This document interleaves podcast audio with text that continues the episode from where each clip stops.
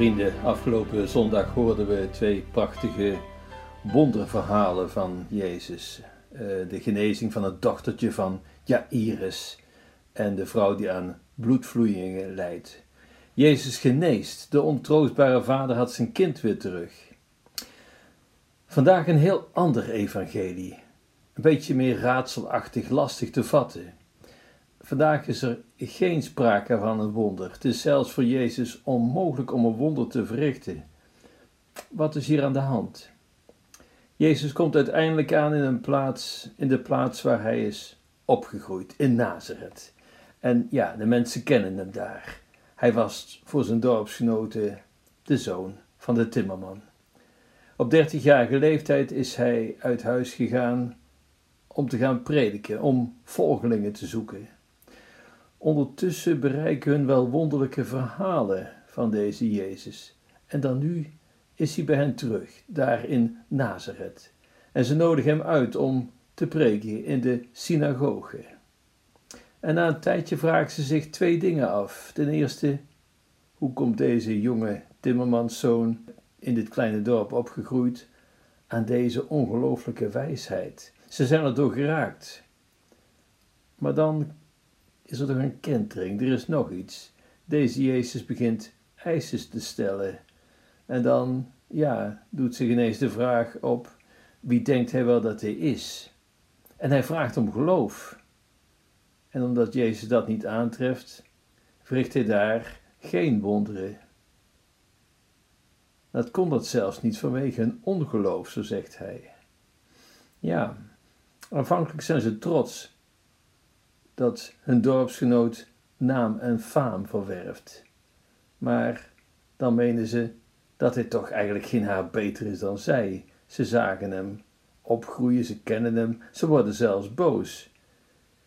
Het is een echte gewone scène in een gewone tijd, in een gewone situatie die we kunnen begrijpen.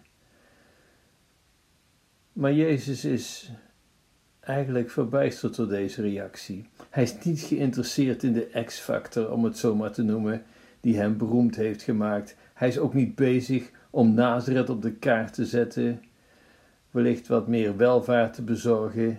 In roem, macht, aanzien is Jezus allerminst geïnteresseerd. Hij is alleen maar geraakt door hun ongeloof. Hij is gekomen met dezelfde boodschap die hij overal verkondigt: bekeert u, het Rijk Gods is nabij. Maar ja, daar zijn zijn dorpsgenoten dan weer niet in geïnteresseerd. En Jezus gaat verder op zijn weg. Marcus, de evangelist. Wat zou hij bedoeld hebben om dit voorval in zijn evangelie op te nemen? Marcus wil duidelijk maken: nee, Jezus is niet een succespredikant. Het is geen succesverhaal. Het begint al in het begin. Geboren in een, ja, in een stal voor de dieren. Niet echt een geschikte plaats voor een geboorte. Hij moest vluchten met zijn vader en moeder naar Egypte. Koning Herodes was erop uit hem te doden. Ze hadden geen rust, ze hadden geen geld, ze hadden niets. Jezus zal later zeggen: Vossen hebben hun holen, vogels hun nesten, maar de mensenzoon heeft niet eens een steen om zijn hoofd op te laten rusten. Hoe dan ook, het begint Marcus te dagen dat wat hij moet doen is ook deze verhalen vertellen, deze negatieve voorvallen, zodat we zouden begrijpen dat wat Jezus, wat zijn specifieke missie is, waarvoor hij gekomen is.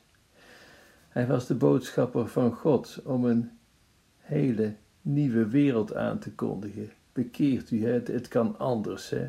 en het Rijk Gods is nabij.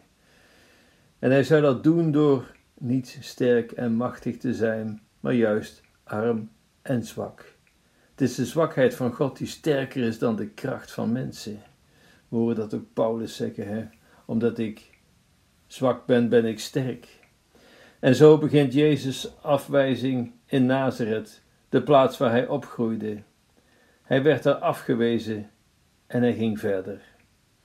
Zijn dorpsgenoten moeten gedacht hebben: ja, waarom maken we zo'n ophef over hem? Hij is net als wij, we kennen hem toch. En Jezus maakt duidelijk: dat het tegenovergestelde het geval is. Hij is gekomen opdat zij één zouden zijn met hem zoals hij, en niet hij zoals hen. Hij is de zoon van God. Ze moeten zijn ogen maken tot hun ogen, zijn hart tot hun hart, zijn weg tot hun weg.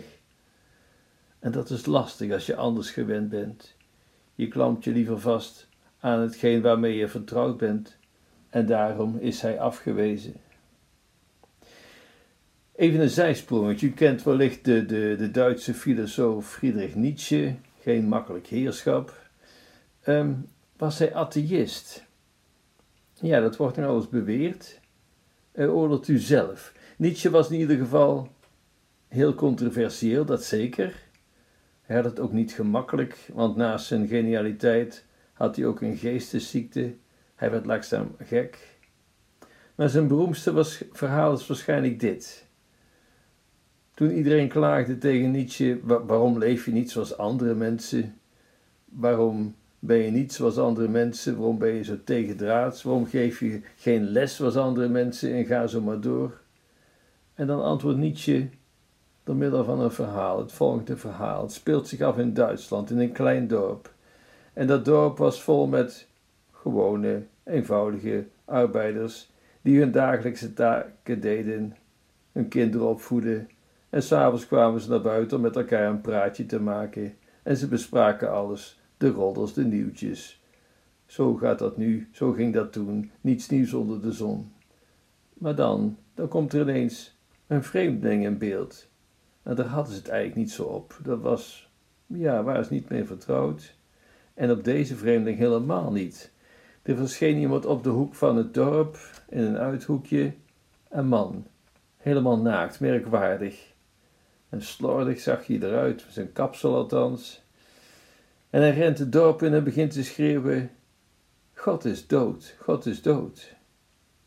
Aanvankelijk zijn de mensen echt bang, maar dan beginnen ze in te zien: ach, het is onschuldig. Hij heeft niets, hij heeft zelfs geen kleren aan. Het is gewoon een rare vogel. En de mensen beginnen te lachen. Ze vinden het wel grappig. En de vreemdeling die rent wat door waterplas in het centrum van het dorp. En hij rent rond en hij springt in het water.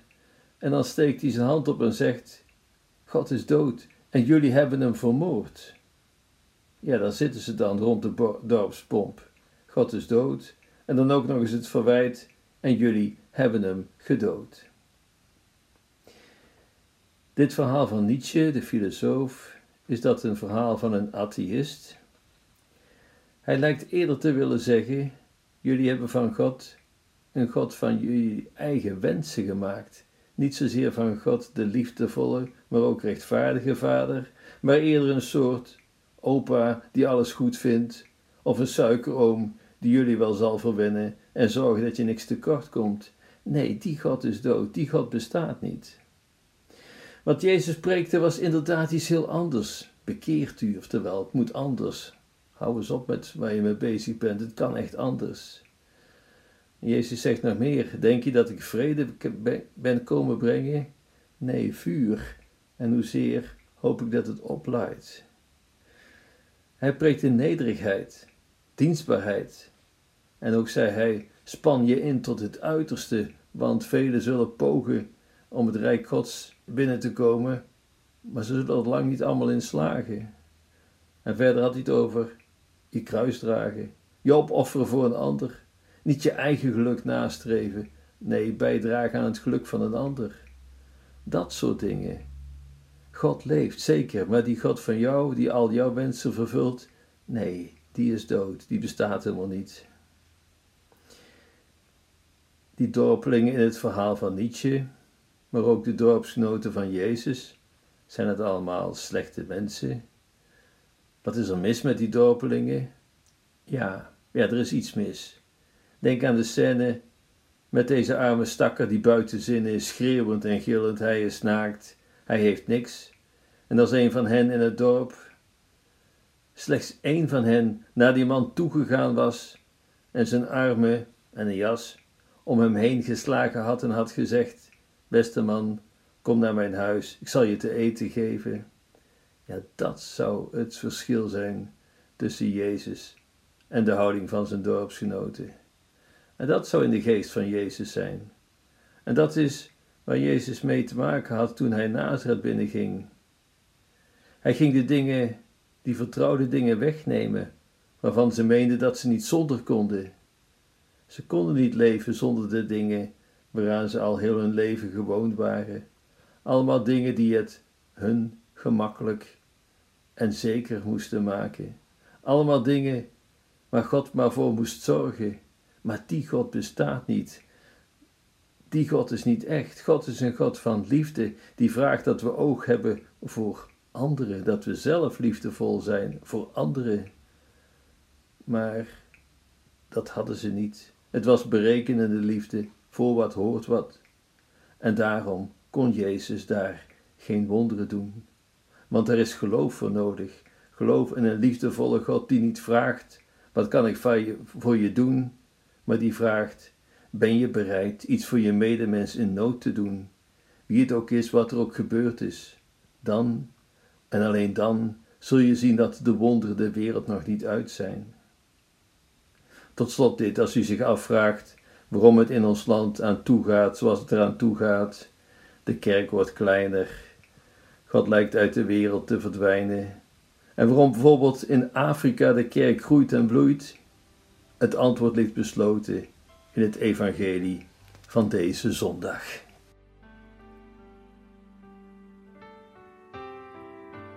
Heer, ik kom tot u, mee mijn hart verander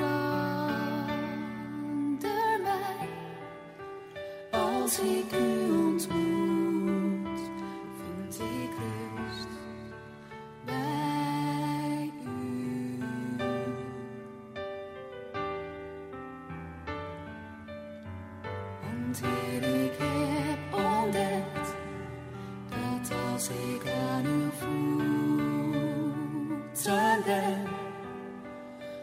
trots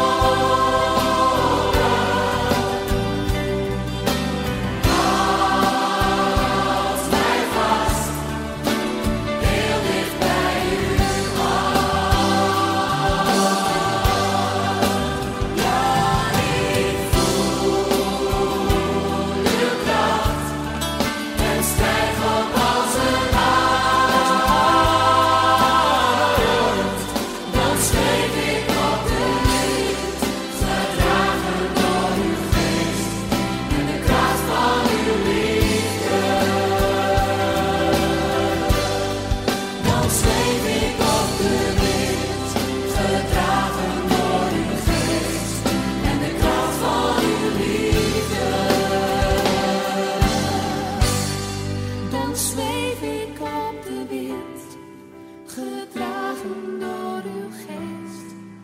En de kracht van uw